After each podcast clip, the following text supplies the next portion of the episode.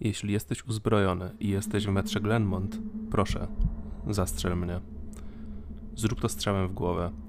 Strzel mi w skroń, celując lekko w dół. Kula musi przebyć jak najkrótszą drogę przez mój mózg, zanim trafi w hipokamp. Jeśli będę miał szczęście, uczucie strzału przebijającego się przez moją czaszkę będzie trwało tylko kilka dekad. Jakkolwiek okropnie to brzmi, wyświadczysz mi ogromną przysługę. Śmierć od strzału w głowę, tak szybko jak to możliwe, jest o wiele lepsza niż alternatywa. Moja męka zaczęła się ponad 10 tysięcy lat temu, o 10.15 dziś rano. Dorabiam, biorąc udział w badaniach leków. Jestem tak zwanym zdrowym obiektem, który bierze eksperymentalne leki, aby pomóc ocenić efekty uboczne. Kiedyś był to lek na nerki, kilka razy było to coś na ciśnienie krwi lub cholesterol. Dziś rano powiedzieli mi, że lek, który wziąłem, to substancja psychoaktywna, mająca przyspieszyć pracę mózgu. Żaden z leków, które do tej pory testowałem, nigdy nic mi nie zrobił, w sensie rekreacyjnym. Innymi słowy, żaden z testowanych przeze mnie narkotyków nie ofiarował mi cudownego haju, nie uspokoił mnie ani nic. Może zawsze kończyłem w grupie placebo, ale nic, co testowałem, nie miało na mnie wpływu. Dzisiejszy lek był inny. To gówno naprawdę działało. Dali mi pigułkę o 10.15 i kazali siedzieć w poczekalni, aż wezwą mnie z powrotem na jakieś badania. Tylko około 30 minut, powiedział mi asystent badawczy. Położyłem się na kanapie w poczekalni i przeczytałem kilka artykułów z Psychology Today, które leżało na stoliku do kawy. Nie zawołali mnie, kiedy skończyłem Psychology Today, więc wziąłem US News i przeczytałem go od początku do końca. Potem wziąłem się za stary Scientific American. Co im zajmowało tak cholernie dużo czasu? Ospale odwróciłem głowę, by spojrzeć na zegar ścienny.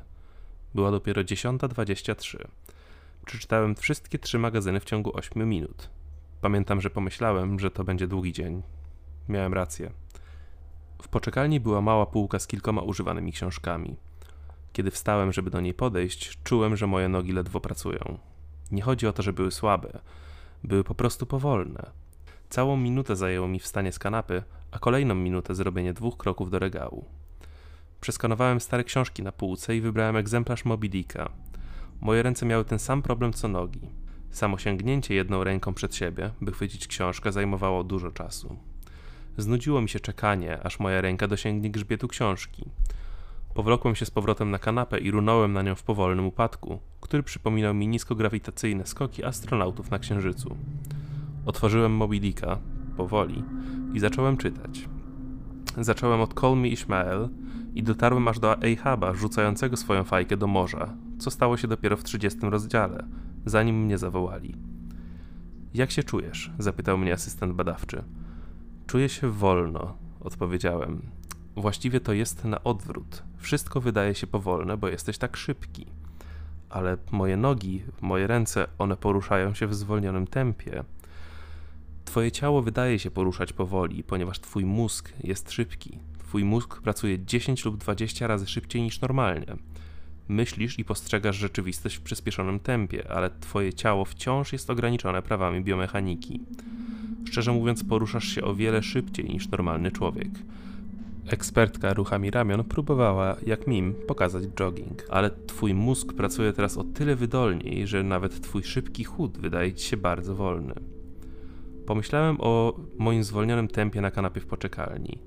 Nawet gdyby moje mięśnie zwolniły, moje ciało nadal reagowałoby na grawitację w ten sam sposób. Ale w poczekalni nawet ja upadałem w zwolnionym tempie. Wolne mięśnie nie mogły wytłumaczyć, dlaczego grawitacja wydawała się słabsza. Mój mózg działał z dziesięciokrotnością swojej normalnej prędkości. W ten sposób udało mi się przeczytać trzy magazyny i pierwsze 30 rozdziałów Moby Dicka w ciągu 15 minut. Przeprowadzili na mnie serię testów. Testy fizyczne były zabawne. Kazali mi żonglować trzema piłkami, potem czterema, potem sześcioma.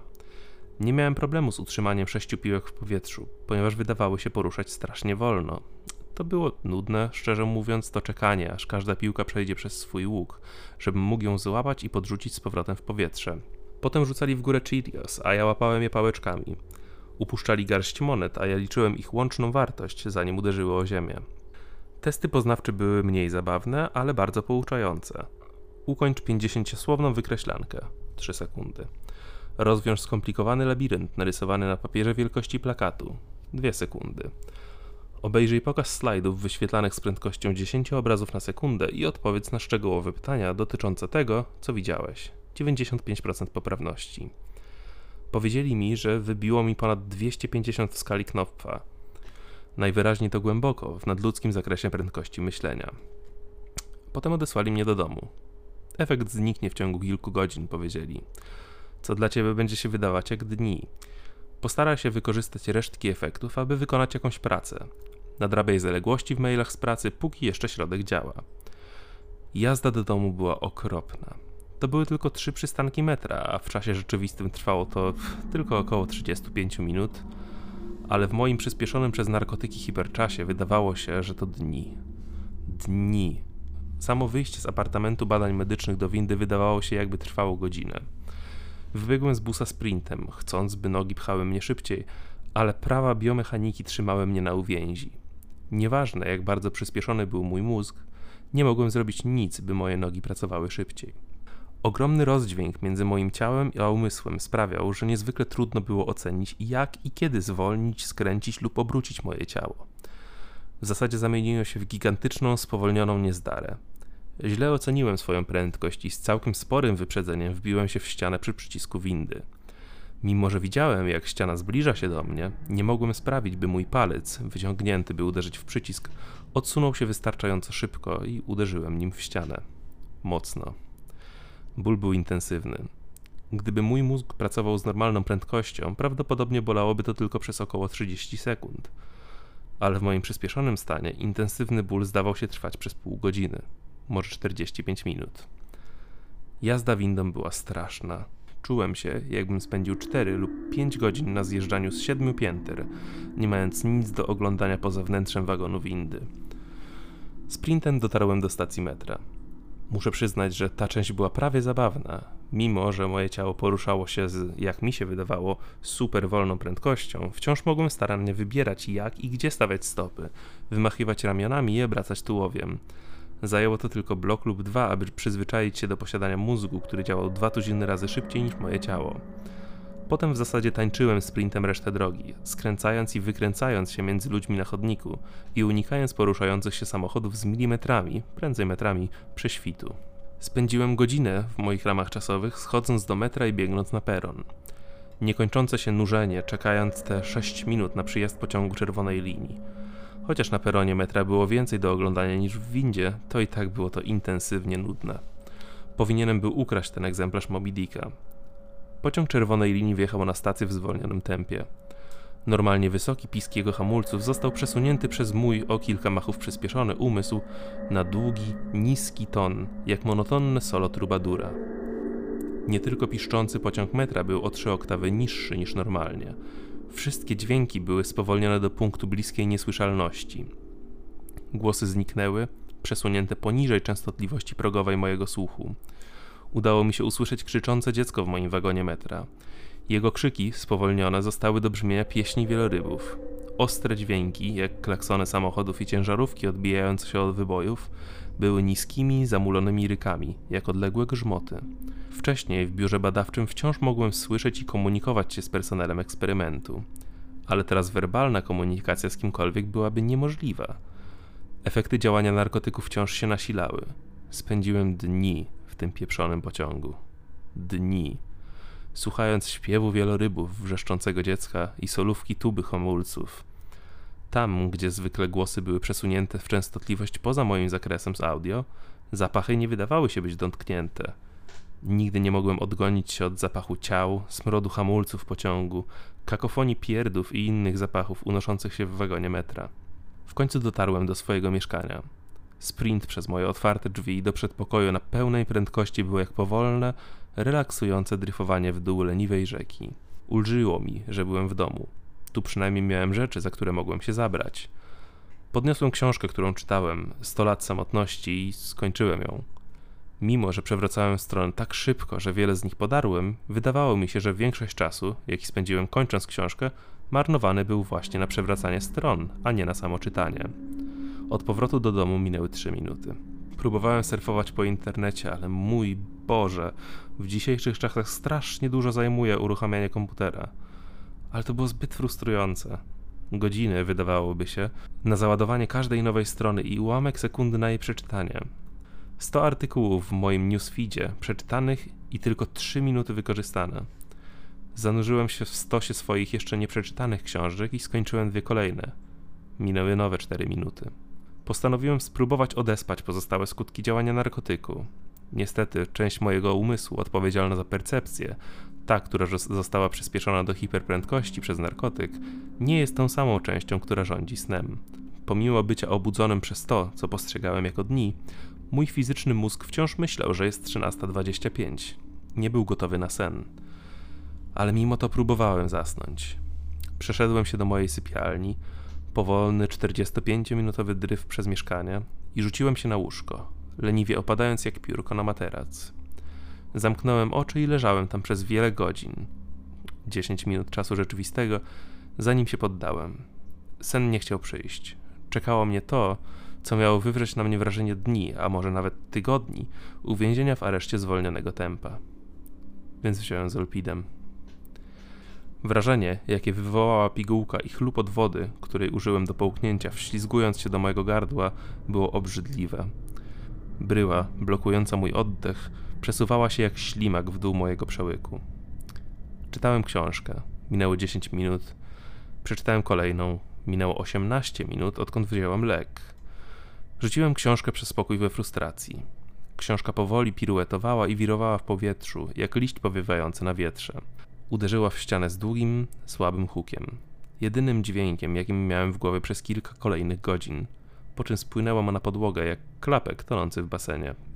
Siła grawitacji nie zmieniła się, odkąd wziąłem tabletkę. Prawa fizyki były takie same. Tylko moja percepcja czasu uległa zmianie. To oznaczało, że mogłem użyć prędkości, z jaką rzeczy zdawały się spadać, jako sposobu na ocenę efektów działania leku. Bazując na tym, jak długo trwało dryfowanie książki na podłogę, oceniłem, że efekty działania narkotyków wciąż się nasilały. Przeczytałem jeszcze trochę. Dwie pierwsze księgi Churchilla, Historia narodów anglojęzycznych. Nie jest to lekka lektura. Szczerze mówiąc, cholernie mi się nie spodobała. Ale biorąc pod uwagę godziny nurzenia, jakie zajęłoby mi sięgnięcie po kolejną książkę z mojej półki, samo siedzenie na kanapie i czytanie Churchilla było lepsze, a przynajmniej mniej gorsze. Minęło już 35 minut, odkąd wziąłem zolpidem. Położyłem się na kanapie i zamknąłem oczy. Czas mijał. Zrobiłem wdech, wielogodzinny proces. Czas mijał. Wydychałem powietrze. Proces trwający kolejne godziny. A sen nie przychodził. Potrzebowałem nowego planu. Postanowiłem wrócić do biura, w którym dali mi ten lek. Może mieliby coś, co mogłoby przeciwdziałać jego działaniu albo przynajmniej coś, co powali mnie na kolana, dopóki nie wytrzeźwieję. Wyszedłem z mieszkania tak szybko, jak było to możliwe, poświęcając na to godziny w moich ramach czasowych. Nie zawracałem sobie nawet głowy zamykaniem drzwi, zająłby to zbyt wiele czasu.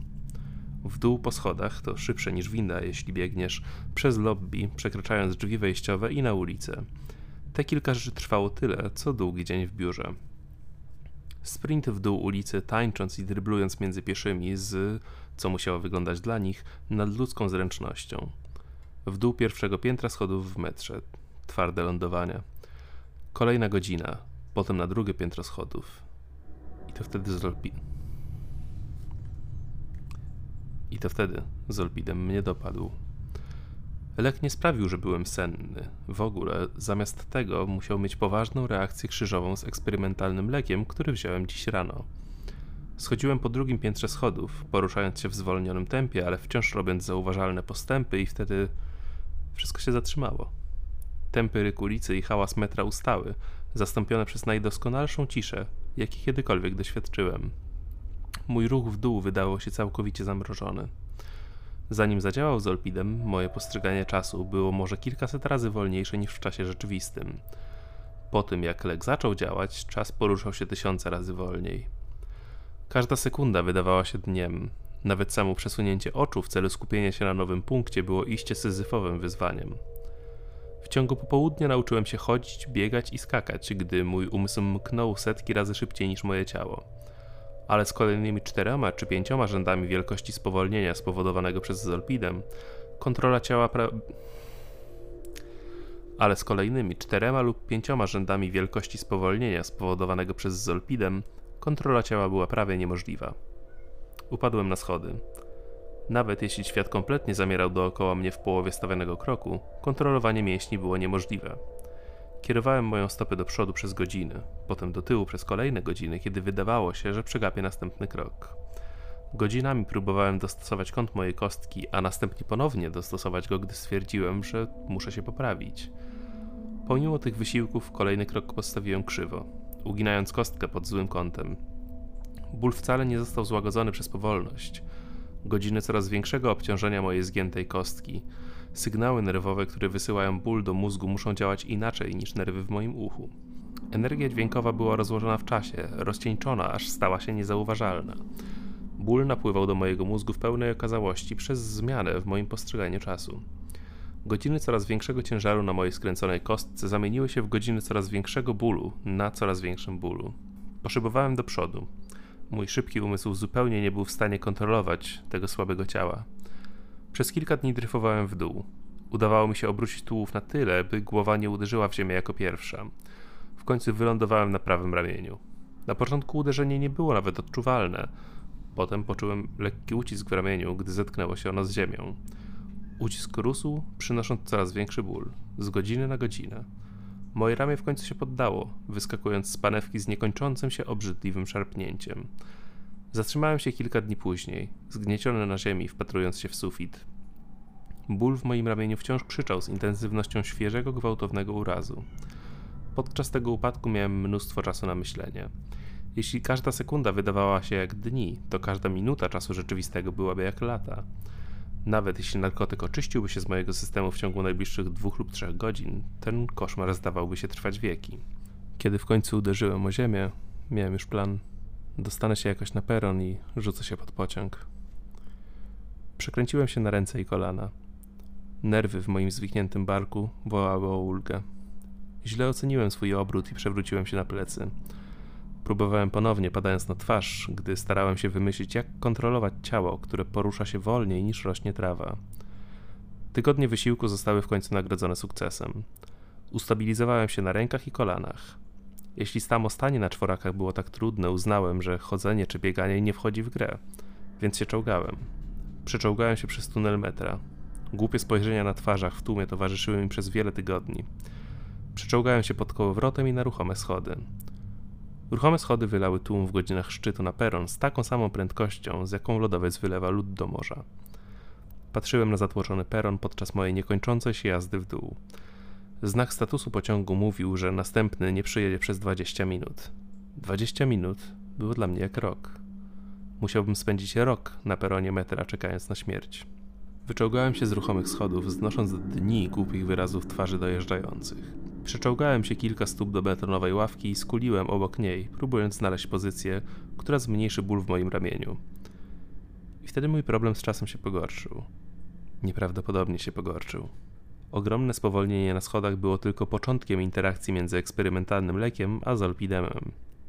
W pełni uderzyło to we mnie, gdy siedziałem skulony przy ławce. Mrugnąłem.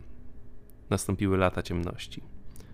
Dźwięk już zniknął, a wraz z mrugnięciem zniknął też wzrok. Jedyne co istniało to ból po moim upadku. Mój nadpobudliwy umysł nie marnował czasu na kompensowanie braku informacji sensorycznych. Głosy przemówiły do mnie. Śpiewały do mnie w językach, które nigdy nie istniały. Wzory twarze i kolory pojawiały się i znikały w moich oczach. Przypomniałem sobie całe moje życie i wyobraziłem sobie, że żyję w innym. Zapomniałem angielskiego. Pogrążyłem się w głębokiej rozpaczy. Osiadłem w głębokiej rozpaczy. Rozmawiałem z Bogiem, stałem się Bogiem. Wyobraziłem sobie nowy wszechświat i powołałem go do życia swoimi myślami. Potem zrobiłem to wszystko jeszcze raz i jeszcze raz. Moje oczy otworzyły się z niewyobrażalną powolnością. Słaby blask tygodnia, szczelina światła tygodnia, wąski widok na peron metra, kostki dojeżdżających koło mnie i reklama na przeciwległej ścianie. Przez lata wyciągałem z kieszeni telefon. Projekt, który obejmował dziesięciolecia, jak mam w ogóle wytłumaczyć tę nudę? Ból w moim ramieniu jest niczym w porównaniu z nudą. Każdą myśl, którą mogę pomyśleć, myślałem już setki razy. Widok kostek i reklam nigdy się nie zmienia. Nigdy. Nuda jest tak intensywna, że wręcz namacalna. jak solidny przedmiot z metalu i kamienia, zaklinowany w mojej czaszce. Jest nieuchronna. Jakie są moje możliwości? Jeśli będę się czołgał i spadnę na tory bez nadjeżdżającego pociągu, który mnie zmiażdży, nie umrę. Doświadczę jeszcze większego bólu po upadku z wysokości czterech stóp, ale najprawdopodobniej zostanę uratowany przez jakiegoś dobroczyńcę na peronie i nie będę w stanie działać, gdy pociąg w końcu nadjedzie. Moje cierpienie w tym scenariuszu nie będzie miało końca, więc czekam na pociąg. Mogę rzucić się pod niego. Kiedy w końcu uderzy we mnie, będę doświadczał bólu, bycia rozdzieranym na kawałki przez wieki, aż w końcu światło życia opuści mój mózg i moje doświadczenie się skończy. U stóp tej ławki przeżyłem setki żyć. Jestem o wiele starszy w duchu niż jakikolwiek człowiek, który kiedykolwiek żył. Większość mojego doświadczenia życiowego to migawki bólu, skulonego na podłodze peronometra, z niezmiennym widokiem kostek i reklam. Ten post to mój plan B, moja zdrowaśka, mój strzał w nieznane. Spędziłem całe życie pisząc i wysyłając tę wiadomość w nadziei, że ktoś ją przeczyta i przekona się, że moje cierpienie musi się skończyć. Ktoś na tej platformie, właśnie teraz. Ktoś, kto znajdzie człowieka skulonego pod ławką, człowieka, który wczołgał się na ruchome schody i zabije go tak szybko, jak to możliwe. Kulą w skroń. Jeśli jesteś uzbrojony i jesteś w metrze Glenmont, proszę, zastrzel mnie.